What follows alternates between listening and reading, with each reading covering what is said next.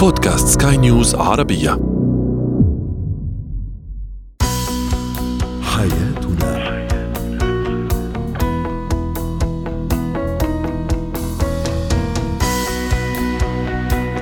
مستمعينا الكرام أهلا بكم. معنا إلى حياتنا فضاؤكم اليومي الذي يعنى بشؤون الأسرة وباقي الشؤون الحياتية الأخرى والذي يمكنكم الاستماع اليه عبر منصة سكاي نيوز dot com slash podcast وباقي منصات سكاي نيوز العربية الأخرى شاركونا عبر رقم الواتساب 00971 561 886223 معي أنا آمال شابه اليوم نتحدث عن الزوج كثير الخروج من المنزل الزوج الذي لا يحب البقاء في المنزل وكثير التعلق أيضا بأصدقائه بدل العائلة. أيضا كيف أعلم طفلي احترام الكبير والعطف على الصغير وأخيرا كيف نكون صداقات في بيئة العمل صداقات صحية طبعا.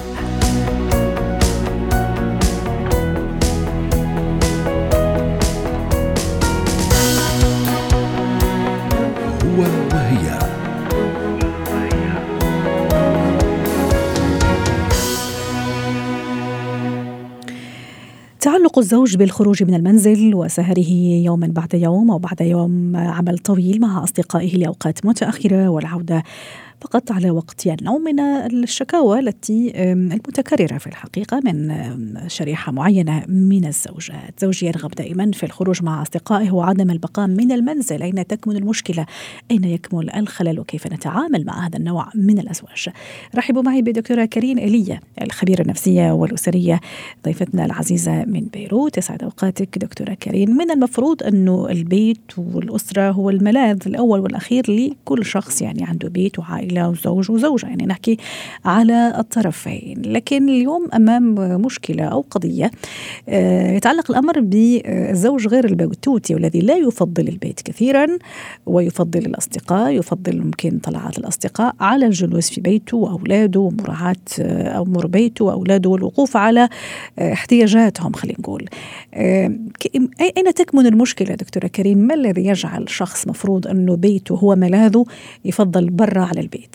نحن هون إذا بدنا نبلش ننطلق من فكرتين الفكرة الأساسية يلي ممكن يكون من بداية الحياة الزوجية عنده هيدا هيدا النظام أو أو السيستم بحياته إنه دائما عنده مشاريع خارج البيت. أو في الأشخاص يلي بعد فترة زمنية من العلاقة والارتباط ببلشوا يخلقوا علاقات خارج المنزل أكثر من العلاقات بالداخل.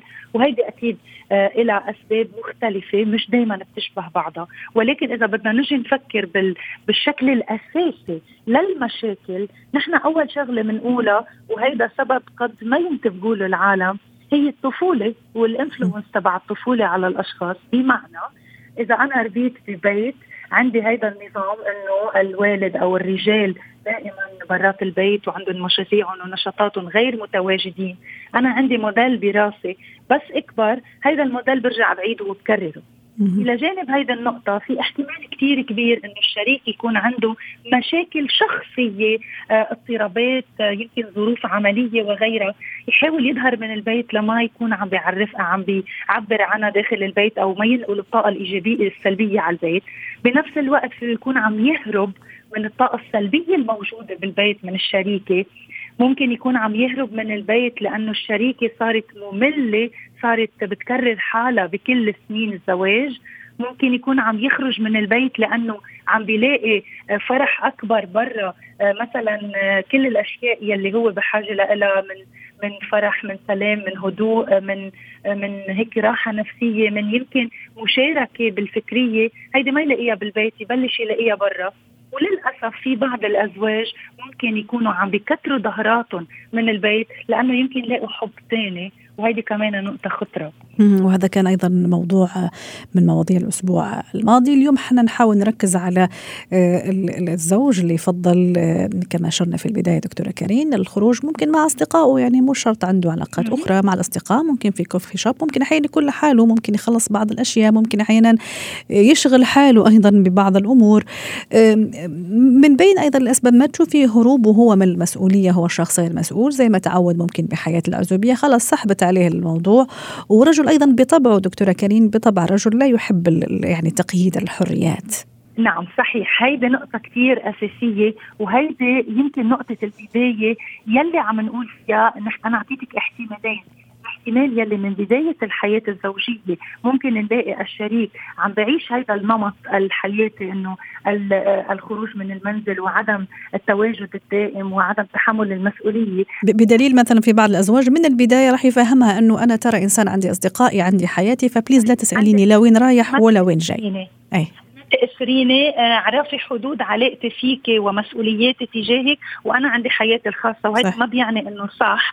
لأنه. بهيدي الحالة أنا عندي صعوبة كون عم بطلع من حياتي العزوبية يلي ما فيها مسؤولية تجاه الآخر يلي فيها حرية مطلقة يلي ساعه اللي بدي شغلة بعملها.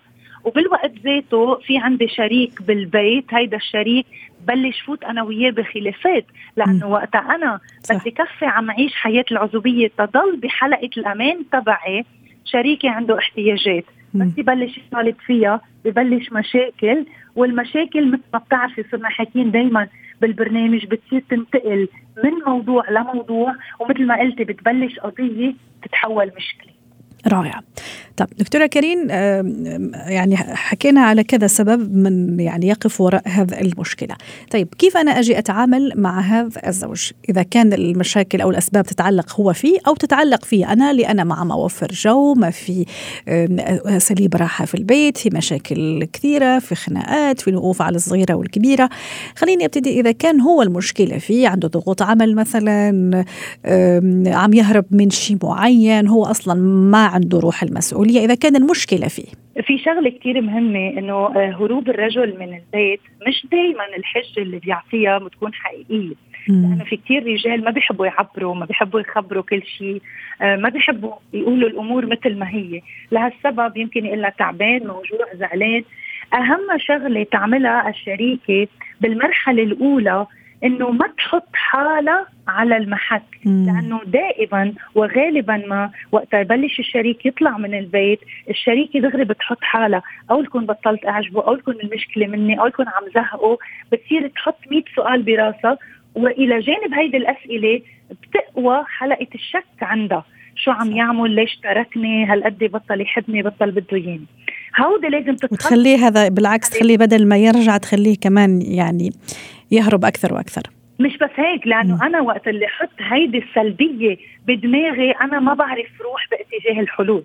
ولكن وقت اللي اوقف عند الح... عند المشكلة على قياس المشكلة بحد ذاتها شريكي عم يظهر من البيت أنا بدي بلش أسعى خليه يرجع ينجذب باتجاه البيت. يعني إذا أنا لاحظت منه لأنه حكما أنا بدي بدي ناقشه بمطرح من المطارح. حول خروجه الدائم من البيت وبقدر أفهم شوي المنطق بغض النظر إذا ما حكي كثير هو. ساعتها أنا ببلش أرجع أجذبه بخلق مشاريع داخلية بالبيت يمكن بشتغل على على حالي يمكن أنا بخترع مشاريع معه وأحيانا كثير وقت يكون بده يروح على مطارح يلتقى بأصحابه. بخلق مشروع يلتقى مع أصحابه بس تيكون لي مطرح بهيدا بهيدا المشروع. بالإضافة ل عندي مسؤولية كبيرة لحسسه ب ب ب أهمية وجودي معه من خلال الإيجابية من خلال آه، بركي الكلام الحلو اللي بقول له إياه بركي وقت يكون تعبان. يعني كل العادات اللي أنا كنت أعتمدها سيئة بغض النظر إذا معنية مباشرة بهيدا الحدث ولا لا بدي بلش أتخلص عنها نفس شوي شوي لخفف السلبية وترجع إجذب شريكي على البيت.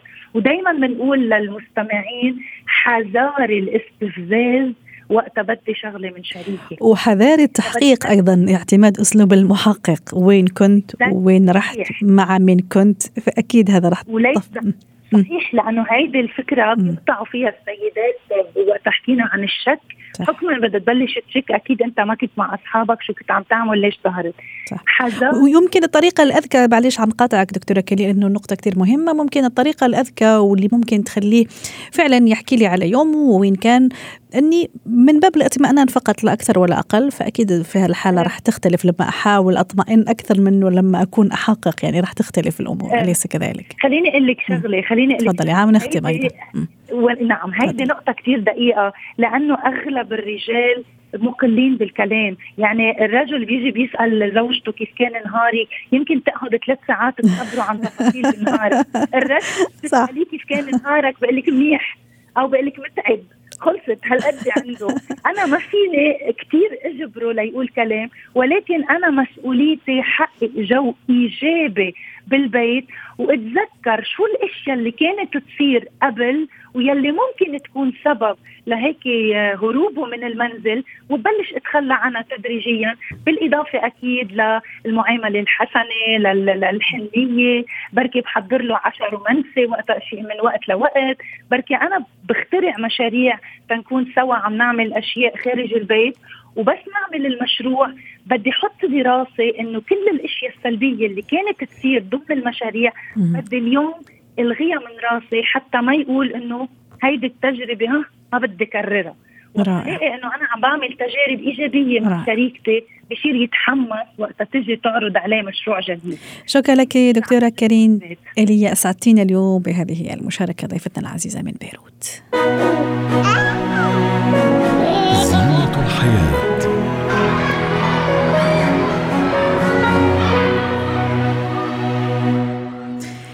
القيم والمعايير العليا والسامية من الأشياء التي نحرص كأولياء أمور على تعليمها وتلقينها لأطفالنا. من بين هذه القيم آه، تعليم الطفل احترام الكبير والعطف على الصغير. كيف يكون هذا؟ ما هو الأسلوب الذي أتبعه لأعلم طفلي هذه القيمة الكبيرة والقيمة العليا؟ رحبوا معي بخبيرة تربوية دكتورة هبة شركس ضيفتنا العزيزة.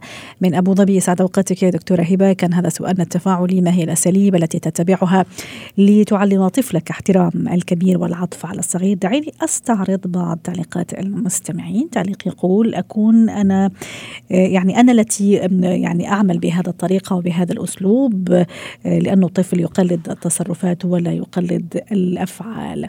خليل الطفل عندما يكون صغير يكون عقله صغير ولا يفهم نصائح والديه لذلك كما يقول المثل الابن يقلد أفعال والديه وعكس الاستماع لنصائحهم. تقريبا دائما نفس الفكرة دكتورة هبة اللي هو التقليد والمحاكمة والمحاكاة والقدوة.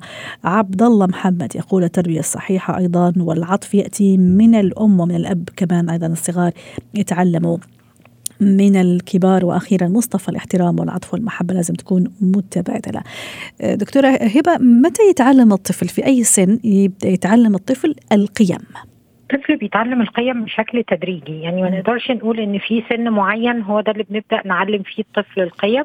لكن الطفل بيبدأ يتعلم من بعد سن السنتين بشكل تدريجي كده واحدة واحدة بيبدأ يفهم آه القيم. يعني مثلا لما باجي الطفل صغير عنده سنتين وأقول له وطي صوتك عشان أخوك بيذاكر وتعالى مثلا نلعب في مكان تاني.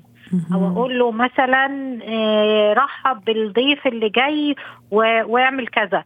فهنا أنا بعلمه قيمة إن هو يحترم خصوصية الآخرين بعلمه قيمة الترحاب بعلمه بشكل تدريجي طبعا مش بشكل تفصيلي لكن ببدأ خطوة خطوة من هو عنده سنتين ممكن أبدأ أكسبه القيم والأخلاقيات المختلفة يعني.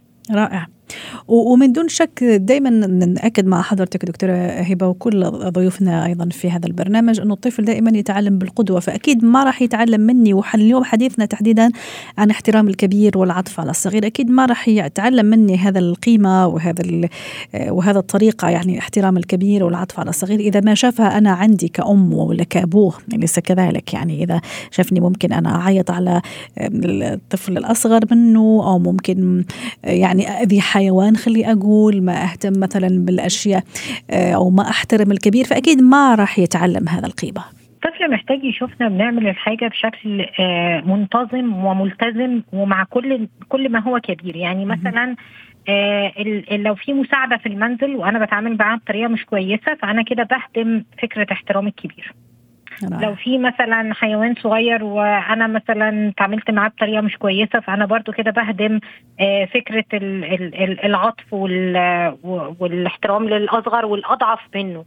ف فيعني الموضوع هو عند الطفل ما ينفعش يتجزأ. هو بيشوف الأهل بيعملوا إيه بيتعلم بالقدوة والمحاكاة أكتر ما بيتعلم بالنصيحة وإحنا عشان نكون قدوة لازم نكون قدوة باستمرار مش مع أشخاص وأشخاص. صح صح. الموضوع ما ينفعش يبقى سيلكتيف خالص لازم يكون في عمومية إن هو شايف إن إحنا دايما بنحترم كل من هو أكبر منا أو بنحترم الكبير والصغير. يعني بالاحترام لكل الناس آه هو شايف إن ده بيحصل. ولازم أكون أنا كمان بحترم الطفل.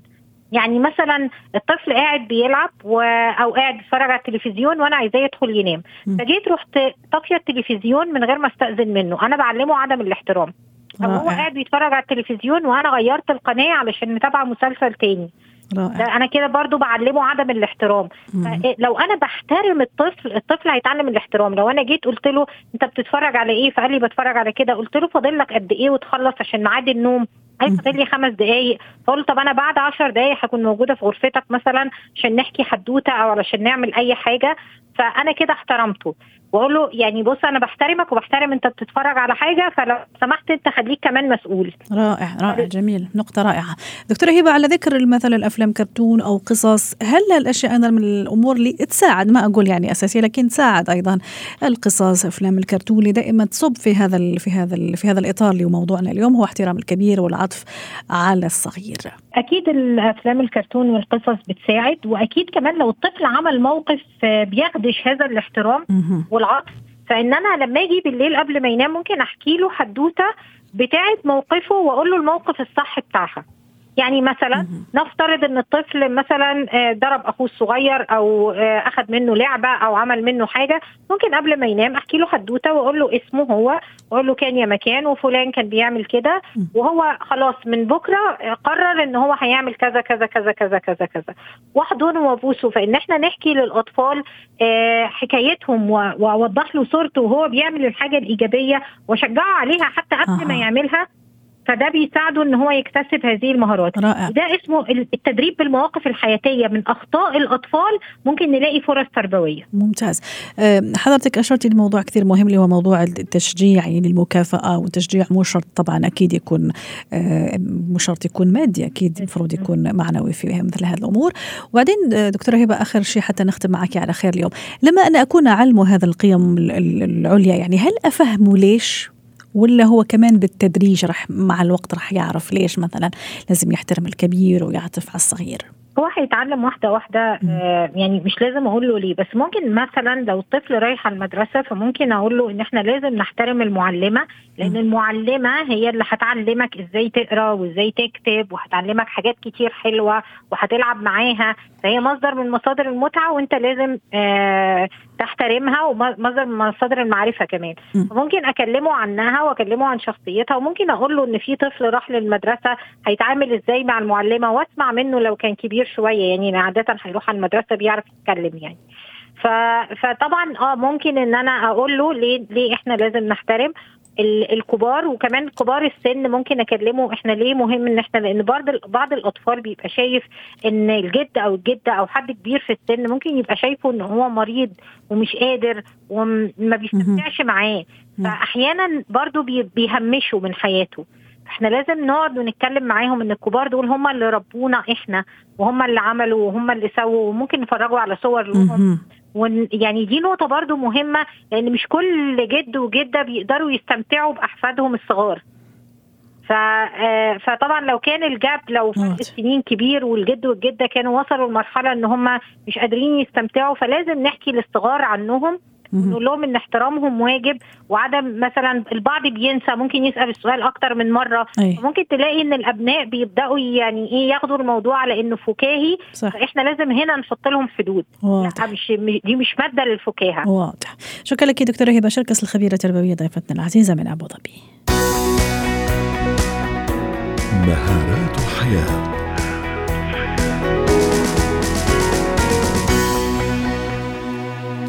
اليوم في مهارات الحياة نتحدث عن كيفية تكوين صداقات في بيئة العمل. رحبوا معي بدكتورة سلوى عفيفي مدربة مهارات الحياة ضيفتنا العزيزة في من القاهرة. يسعد أوقاتك دكتورة سلوى. طبعا بيئة العمل أو مكان العمل أحيانا نقضي فيه أوقات أكثر من من بيتنا في الحقيقة. آه، لكن ممكن أحيانا نكون أمام موقف هو الآتي آه، أنا مع زميلة ممكن أشتغل معها صار لي سنة سنتين ثلاثة لكن ما أعرفها ولا مرة حكيت معها. لا هي بادرت ولا أنا بادرت يعني ورغم أنه ما في شيء يعني بيناتنا بس ما أعرف ليش ما في هذا هذا التواصل ليش ما في هذا هذا يعني هذا التواصل المباشر في مع شخص مع زميلة هي موجودة يعني بيني وبينها يعني مرمى وردة مثل ما بيقولوا يعني. فكيف أنا أكون صداقات؟ أول شيء هل هذا طبيعي ولا ولا عادي ولا مش عادي؟ وبعدين كيف أكون صداقات صحية في بيئة العمل؟ الحقيقة إحنا دايما لازم نقول إنه طبعا من المهارات الأساسية هي التواصل وبناء العلاقات. م. والعلاقات من أهم الاستثمارات في الحياة على فكرة فعلا. والعلاقات سواء العلاقات العامة أو العلاقات الخاصة أو الصداقات أو الزمالة. م. عموما العلاقات الطيبة لأنه فعلا الناس للناس. يعني أكيد إنه من الاحترافية إنه لو حتى أنا أتعامل حتى مع عدوي هذه احترافية على فكرة. أما إذا كانت بيئة العمل حلوة وفي بيننا نوع من أنواع الود بيننا نوع من أنواع الأشياء المشتركة. فأكيد الناس تفضل التعامل مع من ترتاح إليه. يعني أكيد أنت بتلاحظي ده حتى مع ضيوفك حتى لو لم تكون هناك صداقة متينة بس في في لطف في سلاسة في التعامل. صح وكأنك تعرفيه أو تعرفيها. كأنك طيب. تعرفيهم. بدون اقتحام الخصوصيات. يعني من وقت للتاني ممكن آه نعيد ممكن نبادر بشيء لطيف نشارك شيء نحبه. آه بدون الخوض في يعني كثير من المسائل. ردا على سؤال حضرتك إنه هل هذا طبيعي أو لا؟ طبعا هناك أنواع من الشخصيات ولا بد أن نعرف أيضا إنه شخصياتنا مختلفة. في الشخصيه المنطلقة المنفتحة اللي هي اكستروفيرت مثلا وفي الشخصيه المنغلقة اللي تفضل دائما الاحتفاظ ب يعني كل خصوصياتها وفقط تشارك في الجزء اللي هو مشترك في إطار العمل. هذا أحيانا يكون طبعا لابد أن نحترم ذلك ومع ذلك ممكن انه نطمن هذه الشخصية أنه بالعكس ممكن انه نفك الأمور شوية ويكون في نوع من أنواع الود. يعني مثلا إحنا بنعمل مع بعض وأنا منغلقة جدا. بس أنت ممكن تيجي تبادري تقولي لي إيه سلوى خلينا ناخذ break تعالي ننزل مثلا آه ننزل المول تحت أو ننزل مثلا كافيتيريا نشرب حاجة مع بعض. يعني تخلقي نوع من أنواع الود تفكيني ممكن أنا أكون خايفة متخوفه من بناء هذه العلاقات. ربما يحدث في تصادم أو ما نسميه في علم الإدارة conflict of interest يعني تضارب المصالح. طول ما إحنا بنحافظ على الخطوط الحمراء إنه نبني علاقات طيبة بدون الخوض في خصوصيات أو بدون ما تختلط الأمور مع مصالح العمل. هنا أضمن لك إنه العلاقة تكون ناجحة تكون يعني مبنية على أسس سليمة على أطر سليمة على احترام متبادل. رائع. دكتورة سلوى أيضا موضوع مثلا الـ social media هل يعني يعني من الأساسيات أو لازم أه، دام إنه هي زميلة مثلا معي في في الشغل أو في الدوام؟ يعني نعم. من الأشياء يعني اللي ممكن تأسس لهذا تكوين هذا الصداقات الصحية أنا دائما احكي عن صداقة صحية إنه ممكن أيضا هي تكون معي في في في, في وسائل التواصل التواصل الاجتماعي. يعني هل هذه أيضا من الأشياء اللي تحافظ على هذا الصداقة ولا كمان مو شرط يعني؟ لا هي مش شرط الحقيقة. إحنا بنقول من الاحترافية إنه بالعكس إحنا ممكن نكون أصدقاء على خلينا نقول electronic media على LinkedIn LinkedIn اللي هو الموقع الاحترافي المتخصص في ذلك. طيب. أما دخول يعني ممكن أنا ما أحبش إنه مديري يكون مثلا معي على الفيسبوك مثلا. م. ممكن ربما حطيت صورة شخصية أو صورة خاصة. هذا يعني شيء خاص جدا. بس في ناس في بعض الناس تقول لك خلاص ما إحنا كلنا متشافين دلوقتي على الـ social media م. وكل الناس عارفة أمور بعض. بس من الاتيكيت ومن اللياقة ومن المهارة الصحيحة للتواصل إنه حتى أنا ليست كل أموري مباحة على الـ social طبعا. ميديا على فكرة. طبعا. طبعا. أكيد. بالعكس أنا شخصيا كسلوى أنا أشارك أعمالي ونشاطاتي اللي يمكن كمان نشرها وليست جميعها. ممتاز. لأنه يعني بعض العملاء لا يفضلون ذلك مثلا. صحيح. كل خير الأمور الوسط. رائع. اذا دكتورة سلوى إحنا حكينا لغاية الآن إنه يعني حكينا الشخصيات أو الطباع على الشخصيات عندها يعني دور كبير في تكوين الصداقات. آه، لا مانع إني أنا اللي أبادر لا مانع إني ممكن أنا أعزم زميلة في الـ break أو في وقت الغداء استراحة الغداء هذه من الأشياء اللي تعزز هذه الصداقات الصحية في العمل. موضوع المشاركة في أنشطة الفريق مثلا ممكن في بعض المؤسسات يعني عندها ثقافة مثلا الأنشطة الجماعية اللي ممكن تعملها في مرة في weekend ممكن مرة في شهر تلم فيها الموظفين تبعها. ممكن حتى يتعرفوا. فعلا ممكن تتعرفي على زميلة صار لك ممكن أشهر تشوفيها أو سنوات تشوفيها بس ولا مرة يعني صار في هذا يعني التقارب. فإلى أي درجة هذا مهم أيضا في تكوين وتعزيز الصداقات في بيئة العمل. هذا مهم 100% مم. والآن الإدارة الحديثة كلها أصبحت تلجأ إلى أولا فريق فرق العمل والعمل في جماعة داخل العمل وأيضا آه، إحياء الأنشطة الاجتماعية.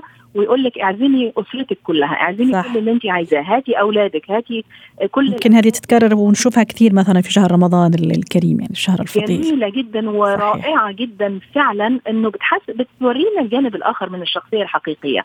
بتشوفيني كأم بتشوفي آه، زميلك كأب بتشوفي ابنه بتشوفي زوجته بتشوفي يعني فعلا بتكون فعلا أصبحت علاقات ودية. بس أيضا ليس بالضرورة إنه إحنا نروح من الخروجة دي كلنا أصحاب ولازم نتزاور بكرة ولازم نتصل ببعض. لا على فكرة. صحيح. يعني ممكن تنتهي عن واضح. هذا الحد أو إنه واضح. نلتقي كل سنة مثلا واضح. كل مناسبة. شكرا لك دكتورة سلوى عفيف. سعدتينا اليوم بهذه المشاركة ضيفتنا العزيزة من القاهرة.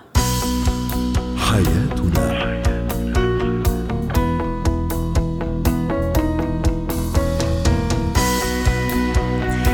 ختام حلقة اليوم من حياتنا. شكرا لكم وإلى اللقاء.